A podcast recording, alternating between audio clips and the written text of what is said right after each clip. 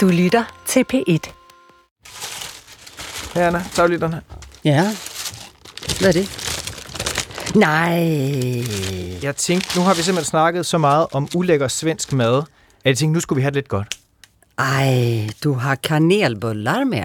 Så tæt som det kunne blive. Det er nok ikke de helt rigtige svenske kanelbuller, men der er en med kardemomme og en med kanel. Det er jo en synes, det er luksus at få hårdt lov at være med i studiet. Er du ked af, at du ikke er i studiet, var Tina? Ja, jeg synes godt nok, at det er lidt strengt lige nu. Har du ikke fået sendt en herover eller hvad? Altså, I har så meget lækker mad over hos jer, så er det ikke bare at gå på pop og få noget haggis eller noget, noget pudding? Eller... Fish and chips? Ja. Jo, jo, jo. Nå, men øh, med øh, en kanelbulle i hånden, skal vi så ikke bare komme i gang? Jag älskar Sverige och jag är stolt över att vara svensk. Danska straff för svenska brott. Sverige behöver en ny start. Vill du ha förändring, då är det nu det gäller. Velkommen til Stjerner og Striber, DR's internationale valgpodcast, der følger den svenske valgkamp tæt frem til valget om bare 16 dage. I denne uge drog hele den borgerlige fløj på fælles valgturné, og det fik politikere i et af de blå partier til at se, ja, rødt.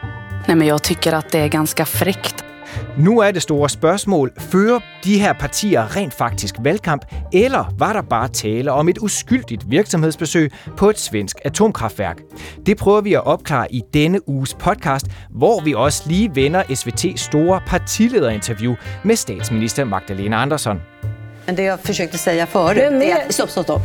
Ej, vi stopper ikke her, fordi vi har altså rigtig meget, vi skal snakke om i dag. Og vi, det er jo som altid Tine Jersing Knudsen.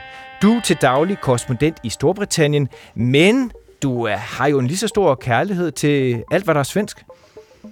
Ja, især øh, de der kanelbuller der. Øh, sådan noget fint noget har vi ikke herovre.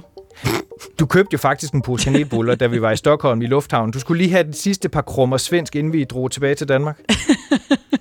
Ja, præcis. Inden jeg drog herover igen. Åh, ja.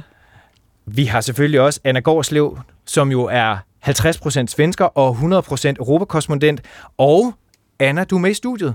Jeg er hjemme og vende, og øh, jeg har glædet mig utrolig meget til øh, at øh, komme her i studiet. Det er en sjælden luksus, og nu er jeg endnu gladere for at få lov at være her i dag, så jeg har tænkt mig at suge alt, hvad jeg kan ud af den her oplevelse. Perfekt. Jeg var sådan bange for, at du skulle tage en dåse surstrømning med. Fordi den skal jo åbnes udendørs og gerne under vand og så videre. Og det, at vi står i et, et af DR's studier, det tror jeg vil være en rigtig dårlig kombi. På den anden side, så vil vi få lidt frisk luft. Vi kunne rydde etagen på fem minutter. jeg tror seriøst, de vil blive upopulære. Altså, det, du siger det bare. Altså. Vi nøjes med kanelbuller. Mit navn det er Lasse Berg Sørensen. Jeg er journalist på DR's udlandsredaktion og domptør på podcasten her. Sverige är fantastiskt. Vi begynder med en lille gåde. Hvad kalder man fire borgerlige politikere i en blå bus? Det er et rigtig godt spørgsmål. Det er- Øh, en umiddelbart meget svær gåde, ikke? Ja, og det er en gåde, som de ikke engang helt selv kan, kan svare på. Fordi vi skal jo selvfølgelig snakke om ugens absolut mest omtalte køretøj i Sverige. Og det er ikke en sporvogn, det er ikke en metro, det er en bus den her gang. Øh, og hvorfor skal vi snakke om det? Jo, det er jo fordi inde i den her bus, der sad der øh, fire energiordfører fra Sveriges fire borgerlige partier. Moderaterne, Kristdemokraterne, Liberalerne og Sverigedemokraterne. Og spørgsmålet er jo så, hvad laver fire politikere i en bus? Fører de valgkamp, eller gør de ikke? Det var der meget forskellige øh, forklaringer på. Ja, alltså det är ju här ingen valkampanj. Vi, vi har varit med och planerat verksamhetsbesök runt om i Sverige. Nej, det her det er altså ikke en valgkampagne, sagde Liberalernes energiordfører Armand Temori. Hans kollega derimod, Camilla Brodin, som er energiordfører hos Kristendemokraterne, ja, hun havde altså en anden opfattelse. Nej, men jag är ute och valkampanjar hela tiden just nu och har gjort det flera veckor och kommer göra ända till den 11 september. Så det här är en del av eh, valkampanjen, absolut. For at opklare det her øh, spørgsmål, så er vi simpelthen nødt til at, øh, at byde en god kollega velkommen, øh, som måske kan, kan hjælpe os. Hej Malte. Hej venner. Du, Hej Malte. Hej. Malte Sommerand, du er journalist på DR's udlandsredaktion, og i disse uger der er du bosat i Stockholm for at dække det svenske valg. Hvad tænker du? Du var jo med på den her tur. Så du en valgkampagne eller et virksomhedsbesøg? Uh, Det er altså et rigtig godt spørgsmål. Kontroversielt spørgsmål. Ja, det er det faktisk blevet, ikke? Og det kommer jo helt an på, hvem, hvem man stiller det til. Nu spørger du så mig. Ikke? Jeg, jeg så fire politikere, der træder ud af en utrolig grim blå bus sammen med sådan noget tekst hen ad siden, som ligner sådan noget, kan I forestille jer fonden for tilbage til fremtiden, hvor der står ny energi for Sverige hen ad siden. Og så træder de her fire politikere ud, stiller sig på rette række i sådan cirka tre sekunder. Og så bryder Liberalernes energiordfører, han hedder Amante Temodi, han bryder altså op og stiller sig over i et andet hjørne af den her parkeringsplads, hvor vi er blevet øh, bænket alle medierne. Han skulle ikke stå der særlig meget længere og ligne, at han var på valgturné, men de tre andre, de var, de var ikke bare på virksomhedsbesøg, de har altså også været sammen på valgturné, fordi at nu skulle den borgerlige blok gå sammen til valg på mere atomkraft i Sverige. Så de var faktisk slet ikke enige om, hvad det var, de havde gang i? at det så bestemt ikke sådan ud. Og det, altså, og det, det bliver helt farseagtigt, da vi sådan kommer lidt, øh, lidt længere hen i seancen, hvor man har, vi har alle sammen fået lov til at stille spørgsmål på, på skift til de her fire ordfører. Og så lige pludselig, så ruller der altså en taxa op på parkeringspladsen. Og ham, øh, liberalernes ordfører, Armand Temodi, han hopper altså ind i taxaen sammen med sin, øh, sin personlige rådgiver og kører derfra i taxaen, og så kan de tre andre stå og, og tage bussen væk, øh, som de ellers var ankommet øh, fælles i. Han mente helt bestemt, de havde bare været på et enkelt virksomhedsbesøg ude på Forsmark Atomkraftværk, øh, og han skulle altså ikke videre på nogen større busturné med de tre andre. Malte, kan man sige, at han smed dem under bussen? ja, det kan man oh, vel godt. Lasse. Ja, okay, okay. Ej, hvor er det vidunderligt. altså. Hvordan reagerede de andre partiledere på, at han, øh, han lige pludselig øh, forlod øh, chancen? Øh, jamen, de andre ordfører, der var der, de, de var der jo helst for at snakke om atomkraft og for at snakke om, hvorfor de mener, at Sverige skal have mere atomkraft, og vil jo faktisk helst ikke øh, snakke om, øh, om der havde været god stemning på bussen, som rigtig mange af de svenske, politi- eller de svenske journalister spurgte til. Og de vil helst heller ikke snakke om, hvorvidt de følte, at de var på turné sammen. De vil faktisk bare gerne snakke om konkreterne, som jo er, at nu går den blå blok til valg på, at de tre nuværende svenske atomkraftværker, de skal udbygges. Sverige skal have, hvis det står til dem, mere atomkraft. De vil meget hellere snakke substans, og ikke så gerne, fordi det var virkelig et penibelt område, ikke så gerne snakke om, hvordan stemningen havde været på bussen, om der var nogen, der havde sagt noget morsomt. Og det var altså mest det, de svenske journalister, der var der, de var der for at spørge til, det var altså stemningen på bussen. Jeg synes, det er det mest, altså den mest vidunderlige metafor øh, for, for den borgerlige lejr, øh, den her tilbage til fremtiden busmalter. Jeg er meget misundelig over, at, at du var der. Jeg gad virkelig godt at have set det. Øh, jeg lå mærke til, øh, hvordan øh, Sverigedemokraterne, de var virkelig øh, altså de eneste, der tog det på sig, at nu var de kommet sammen og sådan noget. Det var så tydeligt, at deres energiordfører, han var virkelig glad for øh, at stå der i godt selskab sammen med de andre. Der var en god photo opportunity, som man siger, ikke? en fotomulighed. Men, øh, men han var nok enig om at være, være så begejstret. Så de borgerlige partier er ikke helt enige om, hvad de laver på den bus, men de er enige om, at atomkraft, det er vejen frem, og det er noget, de vil slå på her frem til valget. Det, det, altså, det er derfor, de er taget på den her tur sammen. Sverige har lige nu får de har tre atomkraftværker, som er aktive, og, og i alt seks reaktorer. Og det vil de borgerlige altså gerne have, at man udbygger, og man vil gerne have, at man udbygger det på de allerede eksisterende steder. Det var derfor, vi blandt andet var i Forsmark, som, hvor der ligger et atomkraftværk, og så kommer det jo også på, på, øh, på ryg. Det er politik til tiden, kan man sige, ikke? fordi i weekenden, der, øh, der slog elpriserne simpelthen øh, historisk rekord i det sydlige Sverige, så de borgerlige politikere, de ved altså også godt, hvad de laver. Det er virkelig noget, man, man er meget op, opmærksom på heroppe i Sverige, at elpriserne er altså totalt på himmelflugt. Og så er det jo bare et, øh, det er jo et kæmpe øh, politisk øh, slagsmål. Øh, hvis skyld er det, at øh, elpriserne er så høje. Øh, statsminister Magdalena Andersson, hun, hun forsømmer jo ikke en lejlighed til at kalde elpriserne for Putin-priser. Øh, dermed sagt, det, også det er Putins skyld. Øh, hvor til øh, de borgerlige svarer, det er altså ikke kun Putins skyld. Øh, fordi jeg tror, man kan vel godt sige, Malte, hvis der er noget, der sådan er en forholdsvis bred forskerenighed om, så er det, at hvis de sydsvenske kraftværker øh, ikke var blevet øh, lukket ned delvist, øh, som de jo blev for nogle år siden, så ville elpriserne have været lavere øh, i dag. Det er de borgerlige, som måske lidt forsømmer øh, at nævne, når de taler om at udbygge atomkraften, det er jo også, at det ikke er noget, der vil løse det her problem på kort sigt. Øh, selvom man skal udbygge eksisterende kraftværker, så er det altså noget, der tager rigtig lang tid. Ja, lige præcis. Og altså, Moderaternes øh, energiordfører, han hedder Karl Oskar Bolin, han forklarede mig jo, fordi jeg spurgte jo naturligvis nok til Barsebæk, som jo er det, der er meget præsent i, i den danske, i hvert fald atomkraftdiskussion. Øh, det her atomkraftværk, som ligger lige over på den anden side af Øresund, når man kigger fra København.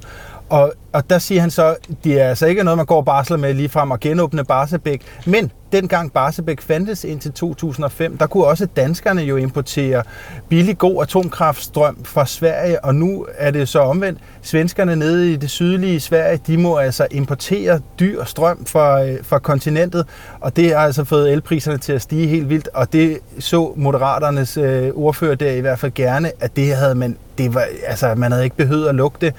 Man havde i hvert fald ikke behøvet at lukke det uden at have en anden lige så billig og lige så god løsning på den lange bane, fordi det er jo rigtigt, hvad du siger, Anna. Det tager ekstremt lang tid, og det er virkelig bekosteligt at udbygge et atomkraftværk, øh, og det er de jo også pinligt bevidste om, og det er jo også derfor, at øh, den socialdemokratiske regering har jo lidt blødt op på spørgsmålet, været ude at sige, at det kan godt være, at atomkraft kan være en del af løsningen i fremtiden, men vi er altså nødt til at have noget på den korte bane også. Det, det kan ikke løse alle vores problemer nu og her. Mm.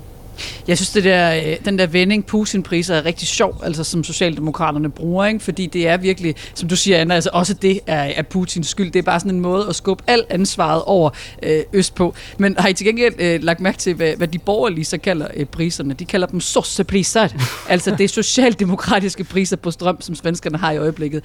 Det er meget godt, der, der bliver fløjet lidt tilbage øh, igen hen over midten. Men, men Malte, altså, var de ikke en lille smule lettet over, at, at det er faktisk kom og spurgte til det, de var der for, frem for stemning på bussen? De, de vil rigtig gerne snakke om atomkraft, og de vil rigtig gerne snakke om forsyningssikkerhed og om elpriser, og de var faktisk rigtig lettede for, at, øh, at vi stod der og, og spurgte ind til noget substans, og ikke kun vil høre om, øh, om busfnider og, og hvem, der, hvem, der har siddet, hvem der har siddet ved siden af hvem i, i bussen. Ja, hvem har siddet øh, bagerst? Altså, det vil jeg gerne vide. altså. Vi elsker også alt det busfnider. Selvfølgelig, vi bruger det jo også til at snakke om det, det politiske samarbejde i den blå blok, ikke? Men altså, Som er højinteressant. Ja, det skal vi nok komme til. Sverige kan blive bra igen. Sverige skal blive bra igen. Jeg kom til at tænke på, når I nævner Barsebæk, så gik jeg jo i research mode og, og, og begyndte at læse op om det. Og så, det er dit øh, synonym for kaninhul. Det, jeg, jeg faldt i et kaninhul. og I, I, I har set Ride, ikke? Altså, ja. Lars von Triers ikoniske gyserserie. Der er jo en scene, hvor den svenske overlæge Stig Helmer, øh, som bliver spillet af den svenske skuespiller øh, Ernst Hugo Jægergaard, han står op på toppen af Rigshospitalet, og så tager han sin kikkert frem, og så kigger han mod Barsebæk over på den anden side af Øresund, som du forklarer Malte. Og så er det, vi får øh, den her. Tak. Ni svenska vakttorn med plutonium tvinger vi dansken på knæ. Tak til de svenske vagtårn, som man også kan kalde de her reaktorer. Med plutonium tvinger vi danskerne på knæ. Og så var det jo øh, kort efter, at han udbrød øh, sådan her. Dansk. Jävlar. Yeah. Dansk! Jävlar! Jeg var så bange. Jeg så den her serie som barn, og jeg synes, det var det mest uhyggelige nogensinde. Altså, det var for uhyggeligt til mig. Jeg er simpelthen nødt til at gå til bekendelse. Jeg har ikke set det. Altså, jeg har aldrig Ej. set Ride. Tine, den bliver vist øh, genudsendt øh, på DR om øh, lige om Ja, Jamen, jeg, jeg har faktisk tænkt mig, at jeg skal have den set nu. Altså, det er, det er lidt sådan uh, a la Matador, ikke? Altså, det er, det er simpelthen for dårligt, hvis man er dansk og ikke har set den. Men det er sjovt, det der dansk jævlar, det blev jo et uh, ikonisk ord i, uh, i de år. Og der skal man bare huske på, at uh, det der jævel, som ja, djævel, støder, idiot, tosse. Det er sådan et, multi, et svensk multiord, øh, som man sådan set kan, kan putte på hvem som helst, man ikke øh, bryder sig specielt meget om. Øh, svenskerne bruger det meget om, øh, om nationaliteter, de ikke kan lide. Øh, for eksempel så, øh, ja, dansk jævlar. for eksempel. Ja, i, øh, i gamle dage, så var der øh, nogen, der ikke så godt kunne lide finder i Sverige, så det var helt almindeligt at være en, en fin jævel. Øh, gubbjævel er meget, meget brugt på svensk. Øh, en gubbe det? er en mand, øh, hvad kalder vi det, i sin bedste alder. Øh, en, øh, en voksen mand. Desuden er der også nogen, som hedder svensk jävlar, men det er lakridser. Nå, jeg tror det var en bande måske i Göteborg eller et eller andet. Det er lakridser. Nå, vi må heller lige kravle op i det der kaninhul igen. Og øh, Malte, du, skal jo, du er jo på vej på reportage, så det kan være, at vi skal lade dig øh, køre videre. Jeg kører videre. Følger du efter bussen? Energibussen? Ja, det, det, det er Eller taxaen. Den, jeg, eller taxaen er næsten mere spændende at følge efter, ja. Hvor skal du hen, Malte? Jeg er på vej til Eskilstuna, som er en by i, øh, heroppe øh, lige vest for Stockholm, som er den by i Sverige, hvor der bliver skudt mest per indbygger. Så vi skal lige øh, ud og finde ud af, hvordan de indbyggere, der så er der, har det med det. God tur. God tur, Tak vi have. til, Malte. Det gør vi. Vi ses, Malte. Hej. Min mamma hade imponerande vader med tanke på sin kroppsstorlek i övrigt. Anna, giver du ikke en af de der lækre kanelbuller? Selvfølgelig. Og mens vi øh, nyder et stykke øh, svensk øh, gastronomi, der for en gang skyld er, er værd at spise, så synes jeg, Hey, vi skal hey, snakke hey. om, hvorfor er det, at øh, Liberalernes energiordfører har så travlt med at komme væk fra den her kampagnebus, måske ikke kampagnebus, og hvorfor er det, vækker så meget vrede i partiet? Fordi øh, liberalerne er dybt splittet, øh, når det gælder øh, øh, hoppet øh, over hegnet til de borgerlige, når det gælder især samarbejdet med Sverigedemokraterne. Det er sådan, så der er mange borgerlige og også dermed også liberale vælgere, der simpelthen får isninger i tandkødet øh, ved tanken om, at man er i samme klub, eller indgår i en eller anden form for samarbejde med Sverigedemokraterne. Øh, sagen er jo den, at hvis vi ser på sådan den borgerlige blok, så har du en kerne, som består af Moderaterne med statsministerkandidat Ulf Christensen, og så øh, Kristdemokraterne med Ebba Busch Thor. De to, de har et fint, forholdsvis uproblematisk forhold. På den ene side har vi så Sverigedemokraterne, på den anden side Liberalerne. Problemet er, at Sverigedemokraterne vil ikke støtte en regering, som Liberalerne sidder i, og omvendt. Liberalerne vil ikke støtte en regering, som Sverigedemokraterne sidder i. Så vi har altså to partier, som ikke, faktisk ikke kan fordrage hinanden. Og så har man lavet den der sjove arbejdsfordeling, hvor Ebba Busch tager sig af Sverigedemokraterne, og Ulf tager sig, øh, Christensen tager sig af Liberalerne. Men hvis de ikke engang kan sidde i en bus sammen, og der er den her dysfunktionelle forhold mellem de fire partier, hvordan skal de så kunne lave en regering efter valget, hvis de får flertal? Det er et rigtig, rigtig, rigtig, rigtig godt spørgsmål. Og det er også derfor, at bussen har spillet en, øh, en hovedrolle i Sverige øh, i den her uge, fordi lige præcis mm. det her område, lige præcis energipolitikken, det er faktisk noget, de er enige om. Det burde være sådan politisk substantielt nærmest en, øh, en walkover. Mm. Altså super nemt. Hej, her er noget, vi er enige om. Men det der med at få taget billeder med hinanden, det er et sjovt puslespil i Blå Blok, og det er noget af en balancegang, noget af en linedans. Hvis man kigger på, hvem der optræder på billeder med hvem, så øh, kan man udlede, ud, altså udlede rigtig meget om, om forholdene i Blå Blok. Ja, jeg synes, at det er, øh, altså, øh, det, det, det er en næsten umulig linedans, øh, de kommer på her. Ikke? Altså, hvis vi vender tilbage til den der metafor, vi har brugt før på Sverigedemokraterne med, at nu er de, de er blevet inviteret indenfor, men kun i brygger eller i entréen, altså, som jeg tror, vi snakkede om sidst.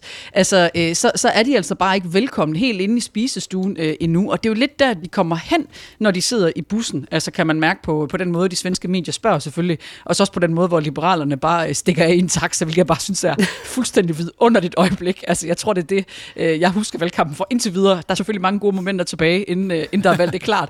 Men øh, altså, øh, det ville jo også have været absurd underligt, hvis de tre var kommet i øh, den her bus, og så var øh, Sverigedemokraterne ankommet i en taxa for sig, eller sad i en trailer bag ved øh, bussen, eller, eller et eller andet i den stil. Blev ud af altså, det er jo.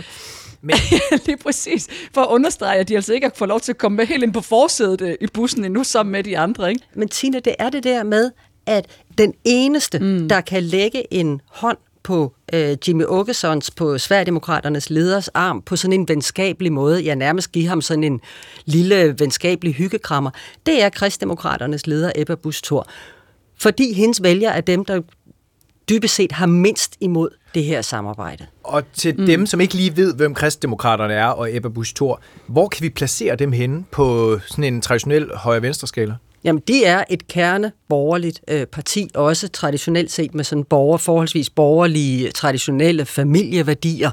Øh, det er et grundborgerligt øh, parti. De er blevet, øh, og de er ikke blevet mindre borgerlige under øh, partilederen under Ebba Bush øh, styre. Så hun kan gøre det. Så når vi ser billeder af Jimmy Åkesson med en anden partileder, så er det med hende. Ulf Christensen lader sig ikke fotografere med Jimmy Åkesson, men han vil jo hellere end gerne sidde sammen med Liberalernes leder, Johan Persson, fordi han er en hyggelig fætter. De to kan godt bruge, øh, de gør hinanden bedre på billeder, så de forsømmer ikke en lejlighed til at optræde sammen. Og, og der er altså mit yndlingsøjeblik på sociale medier, den her meget naturligt, øh, spontant opstået ja. øjeblik, selvfølgelig. altså på ingen måde instrueret øjeblik af den her video på Instagram, som så er Johan Persson, der kommer gående nonchalant med den her lille vest, han har hen over sin skjorte, sådan en farvest, og så har han en, øh, en pølse i brød i hånden, og så går han hen tilfældigvis til Hvem sidder på bænken? Det er da Ulf Christensen. Det var da sjovt, var. Nu är det Johan ska du få se här. Då har vi spelat handboll.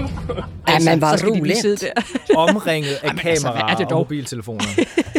og spindoktorer, altså, der instruerer det hele. Det er lige før man kan se sådan en, du ved, sådan en film, øh, mikrofon, du ved, der hænger hen over dem, fordi man skal have den bedste lyd på dem også, ikke? Altså, Ulf Christensen, Moderaterne, har brug for liberalerne. Vi taler her om et lille borgerligt parti, men hvis de borgerlige skal gøre sig noget som helst håb om at kunne danne øh, en regering med nogle bastyriske støttepartier efter valget, så skal liberalerne over spærregrænsen på 4 procent. Og de ligger sådan der og roder på 4,5, 5,5. Øh, så, så store er de ikke, men de er utrolig vigtige.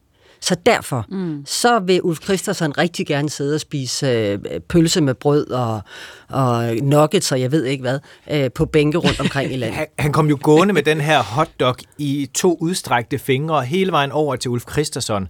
Men Anna, det er vel ikke helt tilfældigt, at det er en hotdog, han spiser? Nej, fordi Johan Persson er, som han selv siger, killen fra grillen. Han er øh, den flinkeste middelklassefyr, du kan forestille dig.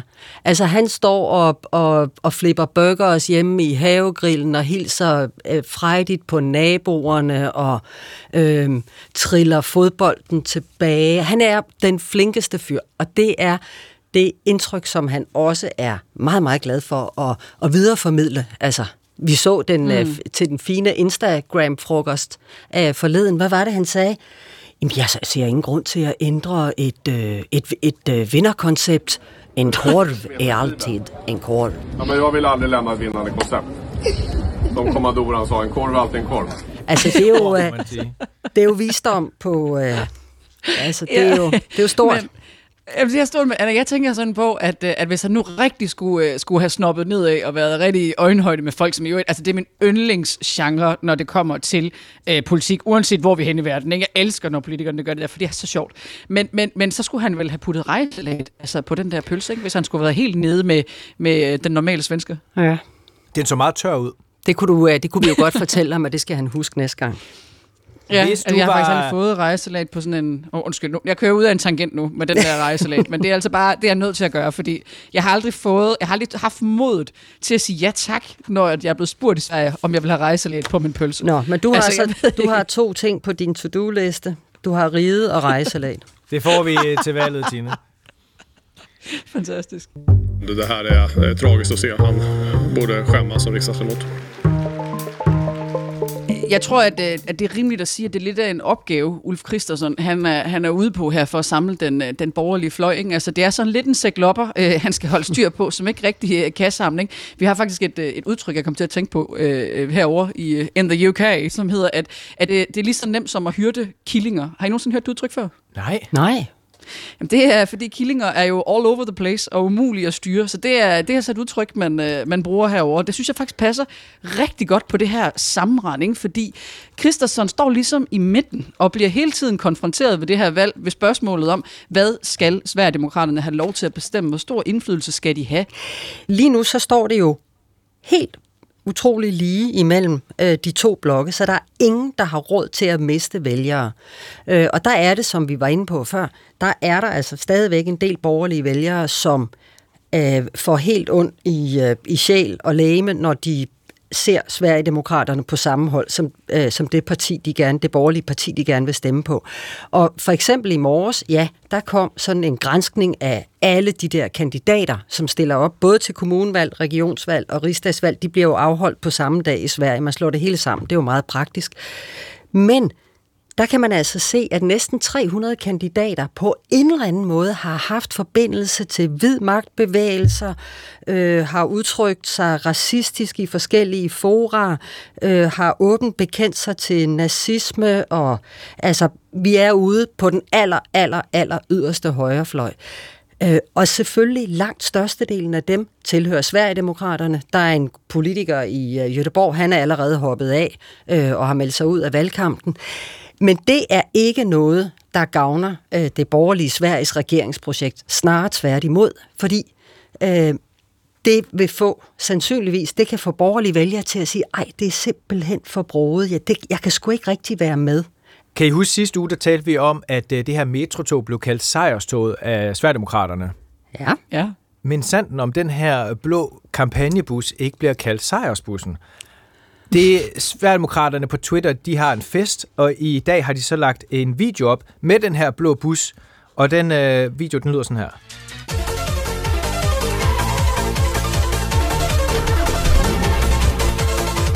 Signe, det er, jo, det er lige din slags musik, det her, ikke? Jeg skulle lige til at sige, de der unge svenskere, som elsker Avicii Dagadak, der har været på spil igen, eller hvad er det for noget? Altså, det... det er noget det er for, for, for vildt Photoshop med den her bus, der kører rundt på landevejen, og så de her fire borgerlige energiordfører også klippet ind og sådan noget. Det er... Øh, Jamen, jeg ved ikke, om det er den måde, man skal nå de unge på. Det, øh, ja, det vil ja. tiden vise. Jeg synes, det er, men det er guddommeligt, altså, hvor meget øh, Sverigedemokraterne nyder øh, det der buskaos. Altså, det synes jeg virkelig, man kunne se på, øh, på det, jeg har set ud fra, fra der, hvor Malte han også var, ikke? Og, og så dem komme ud af bussen. Fra Busgate. Ja, der er mange konflikter, politiske konflikter, der kredser omkring tra- transportmidler i den her valgkamp. Vissa säger att det är rasistiskt. Du tycker inte det, antar jag? Det er jo ikke kun i øh, den borgerlige lejr, at øh, Johan Persson fra Liberalerne han har spillet en, en hovedrolle i, øh, i den her uge. Vi, øh, vi har jo alle tre siddet og, og mordet os med at se øh, Ydflortningeren øh, af Magdalena Andersson. Sådan et, et hard talk interview på SVT, hvor de virkelig går til den, øh, den siddende øh, statsminister. Og, og der blev hun jo, altså det blev også klart for alle seerne der, hvor stor en sæk lopper det er i den røde lejr. Fordi Magdalena Andersson skal stå og fremhæve, hvilke partier hun kan sidde i regering med, og så kommer hun jo i problemer. Altså, fordi hun kan ikke sidde i regering med Venstrepartiet, og Venstrepartiet har krævet, at de skal sidde øh, i regering. Og så hiver hun lige pludselig liberalerne frem. Spørgsmålet er jo så, om hun kan lokke liberalerne tilbage. Det var i hvert fald det, som værterne mm. spurgte Magdalena om. Fordi liberalerne støttede jo faktisk Magdalena Andersen da hun blev statsminister overtog posten efter Stefan Löfven. Spørgsmålet er så, om hun kan få dem tilbage i hendes flok. Kan du locka tillbaka dem till ja. ditt eh, gäng? Ja, de kommer tillbaka till liksom det som ju ändå är kärnan i Liberalerna, att stå upp för liberala värden mot nazism och mot fascism. De har ju hamnat liksom fel och det är en stor Jag älskar eh, formuleringen, de har hamnat fel. Altså, de er gået forkert. Altså som om de har fået et par øl for meget og kommer til at gå ind på øh, dametoilettet en, en, en mørk aften, øh, fordi de ikke kan finde lyset ja. i gangen. Øh, nogen vil sige, det er ret arrogant. Øh, ja. om en, ja. øh, en øh, velovervejet, meget konfliktfyldt og svær politisk beslutning, men en, en beslutning, som bestemt ikke har været underbelyst. Det var et rivegilde internt hos liberalerne, da man besluttede sig for, inden man besluttede sig for at gå over den borgerlige leg, og som vi kan se, øh, så er det stadigvæk utrolig svært øh, for partiet. Og så sige, at man har hamnat fel at man er gået forkert. Ja, også... Den er... Um... Altså partilederen hos Liberalerne, Johan Persson, han var jo heller ikke helt enig i hendes analyse, at han så ikke øh, Liberalerne som støtteparti. Det er fuldstændig korrekt, og fordi han jo er en øh, øh, flink og venlig fyr, altså uofficiel Sverigesmester i, øh, i onkelhumor, det er noget, han tit, øh, han tit rejser rundt med. Men her nøjes han bare med at sige pænt og høfligt, øh, tak for tilbuddet, men nej tak. Så hvis ikke Magdalena Andersen har liberalerne at basere en kommende socialdemokratisk regering på, jamen så har hun jo Venstrepartiet og Miljøpartiet og Centerpartiet tilbage, og det er jo lige så kompliceret regnestykke som over hos den borgerlige fløj. Og der er jo i øvrigt en parallel til liberalerne. Det er slet ikke sikkert, at øh, det er i hvert fald ikke stensikkert, at Miljøpartiet øh, kommer i rigsdagen. De har ligget og rumlet ned omkring øh, spærregrænsen. Lige nu ligger de øh, lidt over, men det kan faktisk nå at ændre sig. Og hun er jo omgivet, som du selv sagde, som du sagde før, Tine, hun er omgivet af partier, øh, som øh, vil en masse forskellige ting. men de er ikke mm. enige med hinanden om særlig meget, om overhovedet noget. Ja, det er virkelig også en blandet landhandel, altså derovre ja. på, øh, på den røde fløj, det må man sige, ikke? Altså, øh, jeg, jeg, jeg, jeg er virkelig øh, spændt på at se, hvordan Magdalena, Andersen skal få de der ting til at gå op. Altså, hvordan kan hun plise øh, et parti som Venstrepartiet, som har krævet ministerposter for at støtte hende? Altså, det, er jo, det giver jo ingen mening, og jeg ved ikke, om det er derfor, at Magdalena Andersen var så vag, når det kom til at tale om, om samarbejde, fordi hun simpelthen ikke har noget svar på, hvordan det skal kunne hænge sammen i Hun har ikke noget Altså, svar, fordi der er ikke noget Nej. godt svar. Så hun bliver nødt til at, øh, at sparke den til hjørne øh, og sende den ud over kanten hver eneste gang. Altså, efter sidste valg i 2018, der tog det jo tre måneder, før at der blev valgt en regering, fordi der var så store samarbejdsvanskeligheder. Tegner det lidt i den retning? Åh oh ja, det gør det. Det tror jeg også. Ja. Så er det godt, øh, stjerner og striber er på pletten. Simpelthen. Ja, altid til tjeneste. Tror at hustrun sa vid något tillfälle att det var den enda kroppsdel på mig som var större än genomsnittet. Vi skal til at slutte af, og øh, Anna, i sidste uge, der lovede vi jo, at du fik lov at vælge det nummer, vi skal høre. Fordi nu hørte vi jo Tines Techno øh, sidste uge. Hvad skal vi så høre nu? Vi skal i en helt, helt anden retning. Vi skal høre en, øh, en mand, som en musiker, som jeg er helt vildt fan af. Han hedder Lars Vennerbæk. Han er et stort navn i Sverige, og jeg fatter ikke, at han ikke er en gigastjerne i Danmark, for jeg synes, han er fantastisk.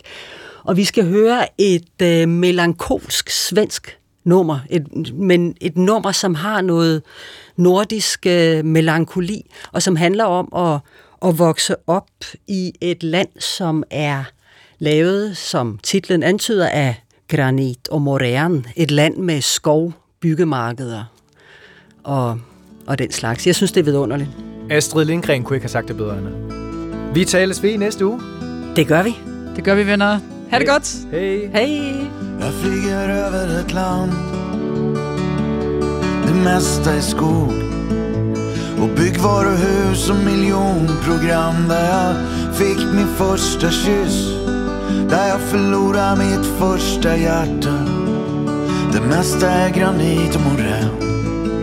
Där jag fick mina första betyg Och ett deltidsjobb på ett kontor och skivor från ett fjärran Amerika.